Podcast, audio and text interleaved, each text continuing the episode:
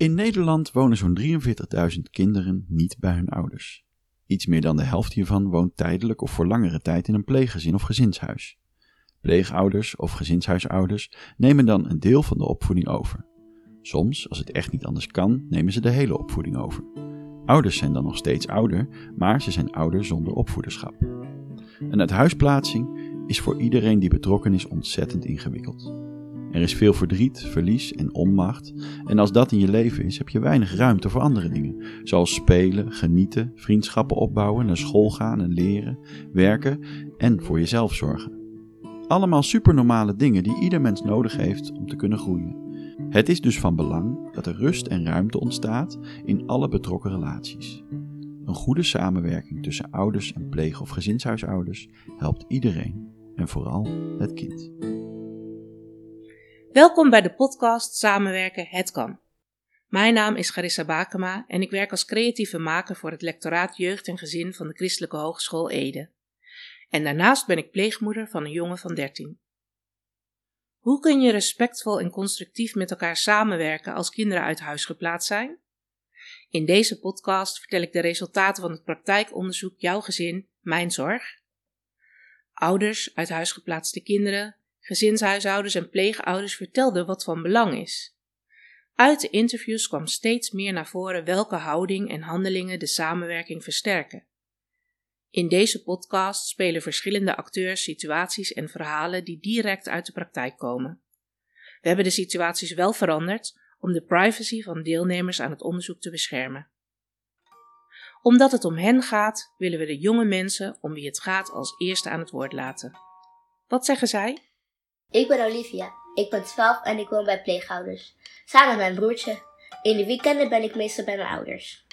Ik heet Rick. Ik ben 10 jaar en ik woon in een gezinshuis bij Yvonne en Orlando. Er wonen vijf kinderen bij ons. Mijn vader komt iedere maand een keer op bezoek.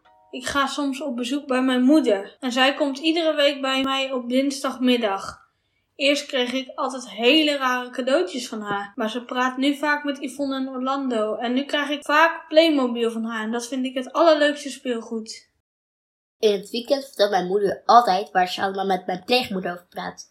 Ze zegt dat ze heel vaak advies geeft aan mijn pleegmoeder. Hoe die mij kan helpen als ik heel erg kwaad ben en ga schreeuwen. Ik vind het wel goed dat ze dat doet. Maar ik vind het irritant dat ze daar telkens met mij over praat. In het onderzoek gaven de jongeren aan dat ze het belangrijk vinden dat hun ouders meedoen en gezien worden. En tegelijk willen ze er zelf niet te veel mee. Eigenlijk geven ze aan: doe het goed samen, dat helpt mij. En de ouders zelf? Wat geven zij aan? We gaan luisteren naar Gabrielle, 30 jaar, moeder van een zoon en een dochter, Roy en Olivia. Haar moeder is Arubaans, haar vader Duits. Ze zijn gescheiden toen Gabrielle 6 was. Gabrielle is getrouwd. Haar man, Mos, komt uit Guinea. Weet je, het was echt een rotgevecht, die scheiding van mijn ouders. En mijn moeder, die wil ook nog steeds niets van mijn vader weten. Weet je, die zegt ook, laat die zak wegblijven. Telkens als ik het over hem heb.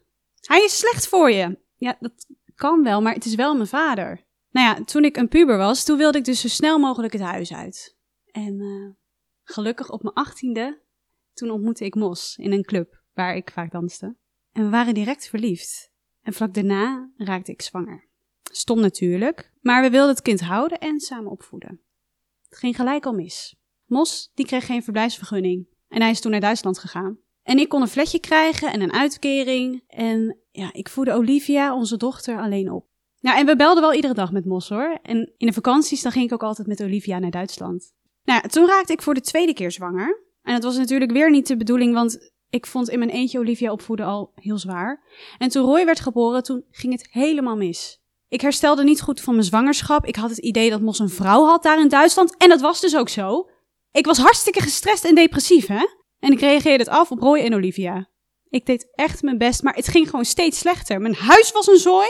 Olivia die begon woedebuien te krijgen en Roy die ging ook nog meedoen. Roy was toen vier en Olivia was acht. Ik heb zelf jeugdzorg gebeld en ik had om hulp gevraagd, maar ik kreeg een OTS.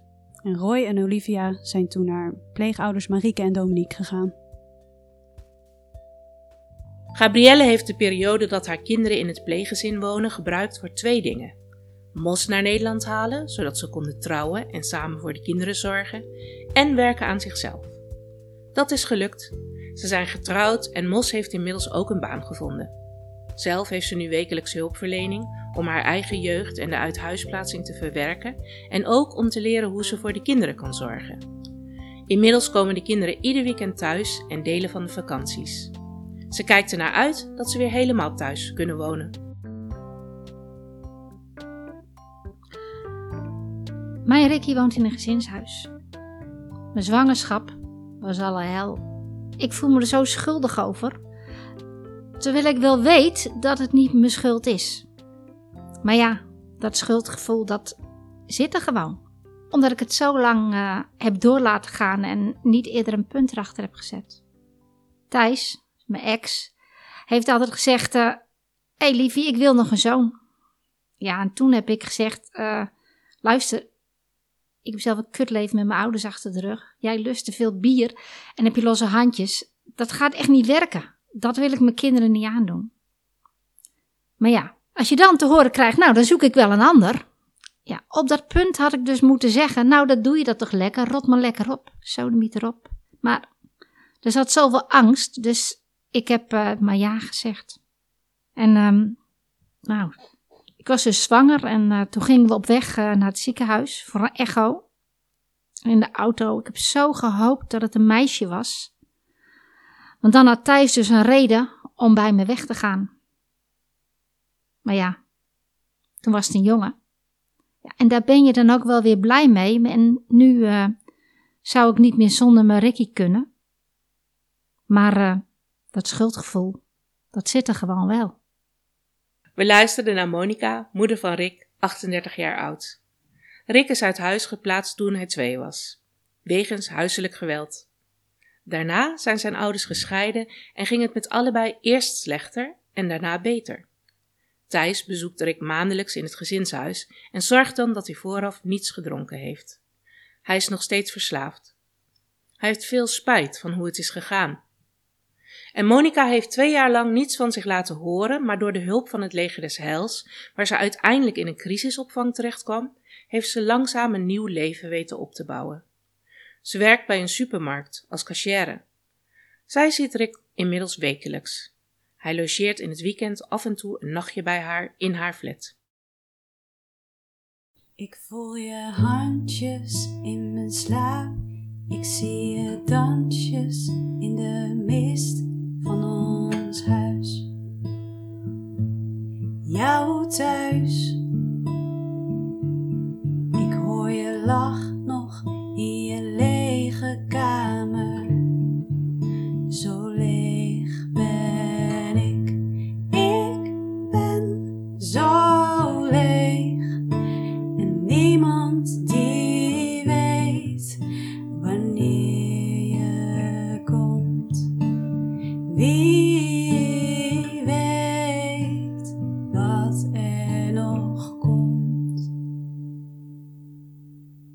Als ouder heb je dus direct een achterstand. Je bent getraumatiseerd, vaak al voor de uithuisplaatsing van je kinderen, maar nu ook door de uithuisplaatsing. Er is zoveel aan de hand dat je niet weet waar te beginnen om iets te veranderen. Accepteren dat je kind uit huis geplaatst is, kan bijna niet. Je kunt het wel aanvaarden, maar dat kost tijd. En met die achterstand ga je toch proberen het beste te doen voor je kinderen. Het is belangrijk dat gezinshuisouders, pleegouders en hulpverleners je dan begrijpen en tegemoetkomen. En in principe willen ze dat ook. Maar waar hebben we het dan over? Wat helpt? Uit het onderzoek kwam naar voren dat respect, gastvrijheid en interesse voor elkaar een belangrijke basis vormt. Daarnaast bleek dat als je open naar elkaar bent en verantwoordelijkheid en zorg deelt, dit de samenwerking versterkt. En als je samen spanningen goed kunt handelen door op zo'n moment het belang van het kind voorop te zetten, geeft dat het kind rust. Als laatste kwam naar voren dat het van belang is om op het juiste moment hulp van derden in te schakelen, dus voordat de crisis er is. Als je het rijtje zo hoort, lijkt het nogal voor de hand liggend, toch? Ik weet dat ik het allemaal heel logisch vond klinken toen ik het onderzoek las.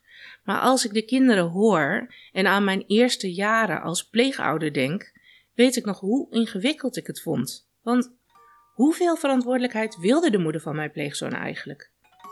Het kostte tijd om elkaar te leren kennen en te begrijpen hoe onze samenwerking het beste werkte. Eerst vond mijn moeder mijn pleegmoeder Malika maar stom. Ze zei dat ze mijn haar verkeerd deed. Ze vond dat ze verkeerde kleren voor mij kocht. Ze vond ook dat ik te veel van mijn bed moest. Mijn vader zei altijd tegen Orlando dat hij een beetje een zacht eitje was. Hij vond dat Orlando veel strenger moest zijn tegen mij. Ouders, pleegouders en gezinshuisouders vertelden tijdens het onderzoek welke houding belangrijk was voor de samenwerking en wat je kon doen op welke momenten. Mensen noemden vaak het woord afstemmen. Ze bedoelden daarmee dat je afstemt over het kind, maar ook op elkaar en dat je ontdekt waar je elkaar kunt aanvullen. Ze noemden als momenten de overdracht na een weekend, maar ook een wekelijks telefoongesprek of tussendoor via WhatsApp. Ja, ik belde dus met pleegouder Dominique over Olivia. Want Olivia die moest leren om haar emoties niet op te sparen totdat ze een woedebuik kreeg. Dus ik vertel het als ik bang ben of boos of verdrietig. Dat is haar doel. En dat vindt ze echt heel erg moeilijk. Maar ze deed het laatst bij een overdracht na vakantie thuis. En ik belde Dominique speciaal nog een keer op die week, omdat ik het zo bijzonder vond. En ook nieuwsgierig was of zij het ook zagen. Maar wat ik belangrijk vond, is dat Olivia een beetje, heel klein beetje haar emotie toonde. Ja, ja, ja, dat was mooi, hè? Ja, Ja, ik denk dat ze dat te weinig doet. ja, ja dat is wel belangrijk, want dan, dan, kan, ze, dan kan ze het uitspreken en dan, dan komt het naar buiten, hè? Juist, maar dan zien wij ook als buitenstaanders van, oké jongens, dit zit echt diep van binnen. Hier moeten we wat aan gaan veranderen. Weet je, als zij zo hard is altijd, dan denk je, nou loopt wel los. Ja, precies. Ja, eh, ze redt zich wel. Hm? Ja, dat, maar dat is ook wat ze het liefst wil uitstralen, toch? Precies.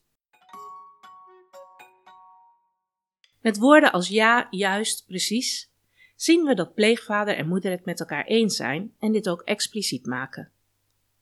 Naast het afstemmen over de jongeren kun je dus ook afstemmen op elkaar, door bijvoorbeeld belangstellend op elkaar te reageren, gasvrij te zijn naar elkaar, humor te gebruiken en door je kwetsbaar op te stellen. Eh, ja, over kwetsbaarheid. Soms voel ik me zo stom als moeder. Rick was het weekend bij mij en ik voelde me echt het hele weekend zo kloten. Ik kon het gewoon niet leuk en gezellig voor hem maken. Toen ik hem terugbracht, was Rick dan ook echt niet vrolijk tegen die gezinshuismoeder. Ik voelde me zo stom. De volgende dag heb ik maar even geappt. Het lukte me afgelopen weekend niet om een masker op mijn gezicht te zetten. Hij reageerde niet op Ricky zoals anders en daarom was hij gisteren zo stuurs. Sorry dat jullie hem opgezadeld zaten. En eh, toen appte ze terug. En eh, ze zei dat zij ook wel eens met knallende koppijn opstaat en dat ze dan bij het ontbijt al iedere keer op de kinderen aan het mopperen is. Ze appte, we zijn mensen, Monica, zelfs jij. Dat helpt, weet je. Het helpt als iemand je laat weten dat hij ook niet alles goed doet. En zeker zo'n gezinshuismoeder als die moeder van Ricky. Die is echt zo goed met kinderen. Monica gaf hier een voorbeeld van hoe je op elkaar kunt afstemmen. Doordat de gezinshuisouder meelevend reageert, kan ze haar eigen schuldgevoel loslaten, waardoor ze minder stress ervaart. En het kan ook andersom. Ook pleegouders en gezinshuisouders hebben steun nodig. Gabrielle maakte daar het volgende in mee. Joh, Roy is zo'n uilskuik op de fiets, hè? Die kijkt dus echt nooit uit. Laatst fietste hij zo tegen een auto aan. Ja, een dik gat in zijn hoofd. Moest hij naar het ziekenhuis. Ja, Dominique die belde mij dus vanuit het ziekenhuis. Sorry dat ik je stoor, eh, Gabrielle, maar eh, Roy is tegen een auto aangefietst. Hij is nu in het ziekenhuis en hij wordt gehecht. Gehecht? Ja, ze, ze, denken alleen, ze denken dat het alleen maar een lichte hersenschudding is. Alleen een lichte hersenschudding. Nou, gelukkig maar. Ja, en jij dan? Jij zou ook wel geschrokken zijn, toch? Of niet? Nou, uh, nou, als je gebeld wordt door de politie en dat je dan direct naar het ziekenhuis moet. Ja. Ja, ja, ja en dan zeggen ze dat je niet moet schrikken. Ja. Ja. Ja, ze hebben, Roy met de, ze hebben Roy meteen met de ambulance naar het ziekenhuis gebracht. En dan, ja, dan denk ik, hoezo niet schrikken? Uh, natuurlijk schrik ik. Hoezo niet schrikken? Ja, precies. Ik schrik ook, dus logisch dat jij ook schrikt. Ouders en gezinshuisouders hebben allebei een eigen rol in het leven van de jongeren. In de samenwerking vullen ze elkaar aan of bieden steun. Zowel emotioneel als praktisch kun je elkaar steunen. Ik weet een keer wanneer ik iets gedaan heb voor die gezinshuisouder. Het is eigenlijk super simpel, weet je. Gewoon eh, een beetje helpen. Rick kreeg een andere kamer in het gezinshuis en eh, toen heb ik gezegd: Ik kan wel een dagje helpen. Ik kan schilderen. Ze was er hartstikke blij mee. Ja, die mensen hebben het ook hartstikke druk. En eh, ik weet precies wat Rick leuk vindt. Welke kleur en zo. Mijn ex heeft toen nog hoogslaper ingebouwd. Nou, hartstikke toffe kamer. En eh, je kunt als moeder gewoon echt iets doen voor je kind. Gezinshuisouders en ouders werken samen in het belang van het kind. Maar ze hebben ook hun eigen wensen en verwachtingen. Het veroorzaakt spanning wanneer een verschil van mening merkbaar wordt of expliciet wordt uitgesproken. Hoe ga je om met meningsverschillen die spanning oproepen?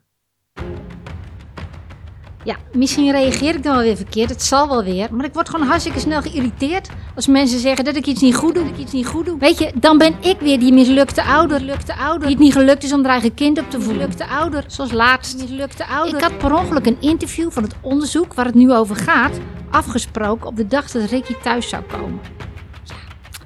Dus ik bel zaterdagochtend op naar het gezinshuis om dat te vertellen.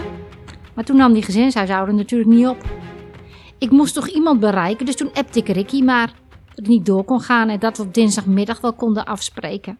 En dan moest hij het even tegen die gezinshuisouder zeggen. Belt die gezinshuisouder zaterdagmiddag op waarom ik daarover niet gecommuniceerd had met het gezinshuis. Ruzie en dingen die ik verkeerd doe, dat ken ik al mijn hele leven. Bij mijn ouders deed ik alles fout, op school, bij Thijs.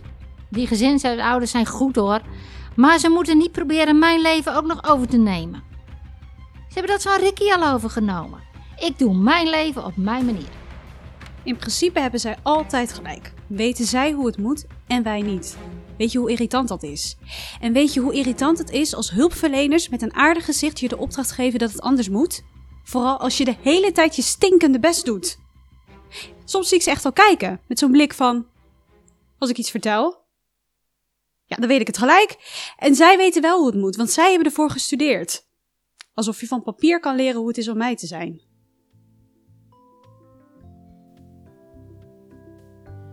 Spanningen zijn lastig. Je probeert het goed te doen, maar voor je het weet slaat de stress toe en heb je knallende ruzie. Uit het onderzoek komt dat als het gaat om het hanteren van spanning, het belangrijk is om sensitief begrenzend met elkaar om te gaan. Veel ouders weten al te goed dat ze iets fout hebben gedaan en bovendien zijn ze getraumatiseerd, waardoor ze snel gestrest reageren en het gevoel hebben dat ze zich moeten verdedigen. Veel pleegouders en gezinshuisouders hebben een druk en vol leven, waardoor ze weinig rust en soms weinig geduld hebben. Er ontstaat snel ruzie op die manier. Sensitief begrenzen doe je door te beginnen met het benoemen van de situatie en welk effect de actie van de ander had op het kind. Geef ook aan waarom de actie van de ander lastig is en zoek tenslotte samen naar een goede oplossing. Monica vertelde net een voorbeeld waar zij aangesproken werd door de gezinshuisouder van haar zoon. Gabrielle vertelt nu een voorbeeld waar zij de pleegmoeder van haar dochter aanspreekt. Ja, Olivia die vertelde dat Marieke alleen maar tijd over had voor de wat kleinere kinderen en niet voor haar. Nou ja, dat vond ik niet zo leuk voor Olivia, dus heb ik Marieke gebeld. En toen ik dat aan Marieke vertelde, herkende zij zich daar niet echt in. En nou ja, ik legde dat natuurlijk wel goed uit, want Olivia die vertelde dat wel aan mij. Nou, en toen hebben we echt flink gepraat. En uiteindelijk veranderde wel iets. En dat merkte ik ook aan Olivia, want zij vertelde dat ze ineens weer wel heel veel leuke dingen met Marieke deed. En daarom was ik heel erg blij dat ik toch met Marieke gebeld heb. Ik vond het echt tof dat mijn moeder met Marieke ging bellen. Marieke en ik gingen daarna veel vaker samen shoppen en ze is niet meer alleen met de kleintjes bezig. Ik durf dat eigenlijk niet. Ik denk altijd dat die gezinshuisouders het het beste weten. Ook al vindt Ricky iets stom. Hij moet daar bijvoorbeeld alles eten, maar hij heeft echt nog nooit van groene boontjes gehouden. Als kind spuugde hij die al uit, als baby al. Hij vertelde mij dat hij die altijd nu als laatste eet. En dan bewaart hij ze in zijn mond. En dan gaat hij naar de wc en dan spuugt hij ze uit. Dat slaat natuurlijk nergens op. Dus dat wil ik vertellen aan die gezinshuisouders. Maar ja, dan krijgt Ricky er straks gedoe mee. En dat wil ik ook niet. Orlando vindt dat ik alles moet eten, moest hij ook van zijn moeder. Nou, bij mijn moeder eet ik nooit groene boontjes. Ik snap niet waarom mijn moeder dat nooit tegen Orlando zegt. Soms lukt het niet. Dan wil iedereen wel, maar staat er te veel in de weg. Of is het onderwerp te gevoelig. Het is niet vreemd dat dit gebeurt. Er is immers veel leed. En daarnaast is er de liefde en de zorg voor het kind dat ook tot spanningen kan leiden. Alleen al doordat je met twee verschillende gezinnen en dus ook met verschillende leefregels te maken hebt. Dan kan een begeleider een mediator zijn en de angel uit het gesprek halen. Het is belangrijk dat zowel ouders als pleegouders of gezinshuisouders deze mensen inschakelen als het nodig is. En het is belangrijk voor begeleiders om regelmatig met beiden om de tafel te gaan zitten. Ik weet nog, ik had Ricky in mijn armen in het ziekenhuis en ik zong voor hem het liedje dat mijn moeder vroeger wel eens voor me zong, als ze in een goede bui was. Over een stekelvarkentje. Suwa, suwa, prikkeltje, daar buiten schijnt de maan. Je bent een stekelvarkentje, maar trek je niet aan. Je bent een stekelvarkentje, dat zul je nu wel weten. Het ging toen al niet goed met mij. Het was zo ellendig tussen Thijs en mij. Had Ricky mijn stekeltjes gehad? Die ruzies tussen Thijs en mij, hij heeft ze gehoord. Ook al was hij zo klein. Dan moest hij huilen. En werd Thijs nog kwaaier. Dan schudde die Ricky door elkaar en die ging dan krijzen. Gelukkig liep Thijs dan weg, maar die wilde zijn kind natuurlijk niks aandoen. De rest vertel ik niet. Na twee jaar werd Ricky bij ons weggehaald. Nou, toen ging Thijs ook meteen weg. Was zo erg. Dacht, nou is alles afgelopen. Ik haatte echt iedereen. Kreeg schulden. Ik heb op straat gewoond, echt man. Nacht op straat gelopen. Ik wist gewoon niet meer. Toen kwam ik Joy tegen. Joy werkte bij het leger de Zeils. Ze heeft me echt goed geholpen. Ik kreeg weer een plekje voor mezelf, waar ik kon wonen. Nog één jaar en dan heb ik al mijn schulden afbetaald. Joy hielp me ook om te bellen met de voogd van Ricky. En uh, dankzij haar ben ik nou in therapie. En langzaam gaat het eigenlijk best wel weer een beetje beter met me. Ik mag ook weer contact hebben met Ricky. Als ze overleg hebben, daar in het gezinshuis, over Ricky, met die voogd en die andere belangrijke mensen, dan ben ik daarbij. Thijs soms ook, om mijn ex, maar ik, ik ben er gewoon altijd bij. Weet je, de pleegouders en ik konden eerst helemaal niet goed met elkaar overweg. Ja, ik was boos op jeugdzorg, want ik had ze gebeld. En het effect ervan was dat ik mijn kinderen naar iemand anders moest gaan brengen. Marieke die zei in die tijd ook vaak: Is er niet iemand met wie je kan praten over wat er allemaal gebeurd is? Ja, zij was wel betrokken, maar zij kon natuurlijk niet iedere week een uur met mij gaan bellen. En ik had ook wel een paar vriendinnen, maar ja, die zaten ook niet te wachten op mijn depri-verhalen. En mijn ouders die zagen ook hoe rot ik het had. En op een dag toen kreeg ik van mijn moeder een dagboek. En zij vertelde dat zij tijdens de scheiding heel veel had geschreven. En van mijn vader kreeg ik een nieuwe gitaar. En ik ging ook schrijven. En ik schreef liedjes. Langzaam begon ik me beter te voelen. En op een dag toen zei ik tegen Mos: Lieverd, kom naar Nederland. Dan trouwen we, dan krijg je je verblijfsvergunning. Dan is het allemaal goed. En toen Mos kwam, toen zijn we getrouwd. En toen hebben we ook hulp gekregen. En ik heb zelf nu nog iedere week een gesprek met mijn eigen coach. En zij leert mij om na te denken over Roy en Olivia en over hoe ik hun moeder kan zijn. En ja, de kinderen die komen nu ieder weekend thuis en in de vakanties ook een aantal dagen. Ik hoop dat ze over een jaar helemaal weer thuis zijn. Ik weet dat je weer komt, want jij hoort hier bij mij.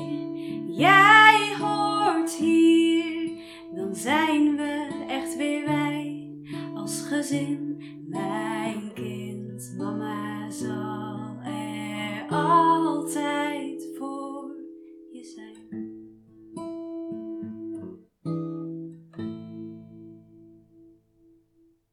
Deze podcast werd gemaakt in opdracht van Lectoraat Jeugd en Gezin van de Christelijke Hogeschool Ede.